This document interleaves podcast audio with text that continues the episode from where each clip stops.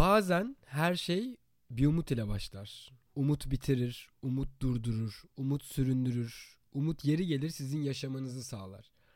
Yeri gelir yaşatmayacak kadar süründürür ama hep oradadır. Ulaşmak için değil, yola tutunmak için istersiniz onu. Bir noktadan sonra öyle bir bağımlı hale gelirsiniz ki ona, umuda. Umudu uyarlarsınız bulunduğunuz şartlara, dönüştürürsünüz. Ama asla ve asla vazgeçmezsiniz. İşte orada geri kalan her şeyi pauslarsın, durdurursun. Çünkü umut yaşamın temelidir. Böyle öğrendin ya. İnsanın en yegane benzinidir. Bildiğimiz bu. Bazen acı çekersin umut ettiğin için. Senin işkence süreni uzatır. Aslında bırakman gereken şeyleri bırakmanı geciktirir. U'nun ortasının ikinci sezonuna hoş geldiniz. 13 bölümlük bir birinci sezonun ardından ikinci sezonun ilk bölümüyle karşınızdayım.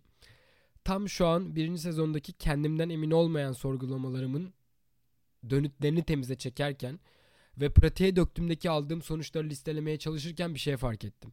Tüm bölümlerin ortak bir noktası var. Umut. Kendimden umutluymuşum. Daha iyi olabilirim diye.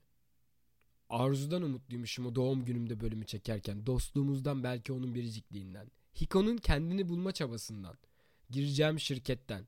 AFS'nin vizyonundan. Sen dinleyenden. Sesimin gitmesini istediğim kişilerden. Söylemediklerimi iletmesini istediğim bu müthiş platformdan. Annemden, kalbimi kıranlardan, ev arkadaşımdan. Bir sene sonra dinlerken şimdi tekrardan fark ettim. Kanada'dan umutluydum. Hayallerim vardı, beklentilerim bir yol haritam vardı. Beklediğimden daha güzel şeyler benim yolumdan bağımsız yollardan geldi. Ve nereden umut ettiysem, nereden beklentiye girdiysem de oradan kırıldım. Bu geçtiğimiz bir senelik süreçte ama bu çok normal. Yani ben böyle olduğunu düşünüyorum. Her şeyi olduğu gibi kabul ettiğiniz anda artık umut etmenize gerek kalmaz. Çünkü bulunduğunuz durumun bir bakıma iyi olduğunu anlarsınız. Midnight Gospel'in belki de en sevdiğim göndermelerinden birisi bu cümle. Şölenin bana izle çabuk bunu ondan sonra umut üzerine yaz yazacaksan da dediği bölümlerden birinin üzerine soruyorum size. Umut etmemize gerek var mı gerçekten? Yani umut aslında anımızın ve şimdikimizin kötülüğünü yüzümüze vurmuyor mu bizim sizce de? Yani şöyle düşün. Kendimden daha çok verirsem, ekstra anlayışlı olup karşımdakini daha iyi anlamaya çalışırsam, kendimden ödün verirsem beni gerçekten sever belki. Tanıdık geldi mi bu sana? Kızgınlıklarımı susarsam belki geçer. Kırıldığım yerleri söylemezsem belki anlar ve düzelir o yakın arkadaşım. Aklına direkt geldi değil mi söylediğim anda? Bu cümleler, kendine söylediğin cümleler çünkü. Umut ettin, beklentiye girdin. Bazen karşındakinin hiçbir şeyden haberi bile yoktu. Bazen vardı ama ne yapacağını bilemediği için anlamamazlıktan geldi. Bazen sadece kötüydü bilemezsin. Ama bu iki sezon arasındaki bir yılda ne öğrendim diye sorarsanız cevap şu. Öğrenmek zorunda değilsiniz. Bu sizin meseleniz değil. Sizin meseleniz size yansıtılan kadar. Görünenin arkası sizin işiniz değil. Ne hissettiğiniz ve ne gördüğünüz size yeter. Bizi boğan eylemler değil zaten. O silip atamadığımız umutmuş. Herkese ve her şeye karşı. İşine, arkadaşlığına, partnerlik ilişkilerine, aşık olduğun kişiye neyse. O umut. Kanada'ya gittiğimde daha mutlu bir adam olacağım. Hayır. Kanada'ya gittiğimde de mutlu bir adam olacak mıyım diye bunu sorguluyorsun. İşte o kadını hayatıma alırsam çok süper geçecek. No. Yani onunla olursan hali hazırdaki üye oluşumu paylaşacak mısın paylaşmayacak mısın buna bak. Gerçekten iyi misin bunu sorgulaman gerekiyor. Başıboş motivasyonel instagramerlar gibi konuşuyorum bilmiyorum. Onlar gibi olmak istemiyorum. Derdim birilerini influence etmek falan da değil bu arada. Gerçekten o değil. Bu podcastlerin her dinleyene de iyi gelmediğini öğrendim yapmadığım süreçte bu arada yani. E, motivasyon vermek bir şeylere yönlendirmek umurumda değil bu yüzden. Çünkü ben sadece susamıyorum.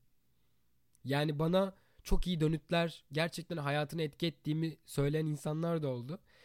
Ee, bu podcastlerin çok ona zarar verdiğini söyleyen insanlar da oldu. Benim derdim bu değil. Ben susamıyorum. Denedim susmayı, görünmez olmayı ama başaramadım. Yani en yakınlarımı yedim, onlara monologlar sıraladım. Dinlemeseler de zorla dinlettim kendimi, darladım. Sonra dedim ki bir dakika böyle olmuyor. Benim anlatmam, konuşmam, o içimdeki sesi bir yere yönetmem lazım. E, alıcı da belirsiz olunca en azından daha sağlıklı oluyor böyle. Çünkü gerçekten almak isteyen kişi dönüt sağlıyor. Ben de zorla dinlenilmiş hissetmiyorum bir yandan da. Dijital günlük gibi düşünebilirsiniz bunu. Almak isteyen alır, almak istemeyenin canı sağ olsun. Bu iki sezon arası o kadar garip ki o bölümlerde ismi geçen eski ev arkadaşım hayatımda değil. Babacan bir Şilili bir kadına aşık olduğu için bizim arkadaşlığımız bozuldu ve işler bambaşka bir yere gitti. Umarım mutludur, iyidir ve Kanada'daki hayatı güzel geçiyordur. Motor hayalleri kurduğum ve bunu bölümde bahsettiğim o yıllarca sürmüş dostluklarım artık yok. Batı Rusya'da ne yapıyorlar fikrim yok. Umarım onlar da iyilerdir. Hayat böyle. Sizin planladığınızı alıp bakıyor sonra diyor ki dur bakayım tam buradan bir vurayım da aklı başına gelsin. Tam olarak öyle oluyor. Ama ne olursa olsun isteseniz de istemeseniz de yaşam tüm detayları tüm güzelliklerle devam ediyor. Yani elinizde değil neyin güzel olduğunu da anınıza göre değil sonrasında fark ediyorsun zaten yani. Gece yarısı kütüphanesini okuyanlarınız vardır.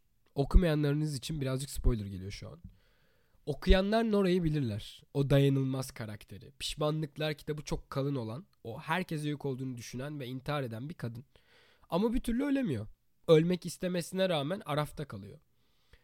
Bir kütüphanede uyanıyor ve kütüphaneciye yalvarıyor. Ölmek istiyorum diyor. Beni öldür. Ben yaşamak istemiyorum. Kütüphaneci defalarca soruyor. Pişmanlıklarını düzeltme şansını elde etmek istemez misin? İşte evliliğinin arifesinde terk ettiğin Danny ile evlenseydin ne olurdu görmek istemez misin? En yakın arkadaşının Avustralya teklifini değerlendirseydin nasıl bir hayata sahip olurdun görmek istemez miydin? Ya da lisenin en iyi yüzme derecelerine sahipken yüzmeyi bırakmasaydın olimpiyat şampiyonu bir yüzücü olarak günlerin nasıl geçerdi hiç mi hayal etmiyorsun? Nora dayanamıyor ve pişmanlıklarına tek tek gitmeye başlıyor. Her bir pişmanlığının anına geri gidiyor, düzeltiyor. Dan ile evlenip Dan'in hayali olan barı beraber açıyorlar. Ama Dan'in hayalini gerçekleştirdikleri o hayatta Dan alkolik bir adam oluyor. Nora'ya psikolojik işkence uyguluyormuş meğer. Nora Avustralya'ya gittiği hayatında en yakın arkadaşının ölümüne sebep olduğunu öğreniyor. Halbuki intihar ettiği hayatında o mutsuz olduğu, arkadaşını yarı yolda bıraktığını düşündüğü hayatta Okus onsuz Avustralya'da çok mutlu. Ama sadece onsuz olimpiyat şampiyonu bir yüzücü olarak antidepresanlar yüzünden kendine bir türlü gelemediğini anlıyor. Ve daha bir sürü farklı senaryo var. Yani kitabı kesinlikle okumanızı tavsiye ederim bir yandan. Müthiş bir öğretisi olan bir kitap bence. Aynı şekilde Midnight Gospel'de kesinlikle izlemenizi tavsiye ederim.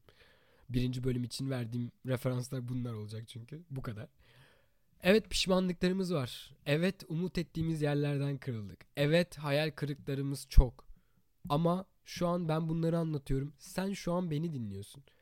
Bırak inceldiği yerden kopsun. Bırak olmadığı yerde yenisi olsun. Sen kendin ol. Sevdiğin gibi, olduğun gibi ol. Görünen senin olsun. Görünmeyeni düşünmek senin görevin değil. Bazen hayat siyah ya da beyaz olmaz. Sadece gridir. Bazen de ya siyah ya beyazdır. Ama neyse odur. Senin işin o rengi değiştirmek değil. O renkle yaşamayı öğrenmek. En nihayetinde hala yaşıyor oluyorsun. Nora'nın söylediği gibi. I'm alive. Yaşıyorum, yaşıyorsun. Tadını çıkar. İkinci sezona hoş geldiniz. Diğer bölümlerde görüşürüz. Kendine gerçekten çok güzel bak. Bir sonraki bölüme kadar.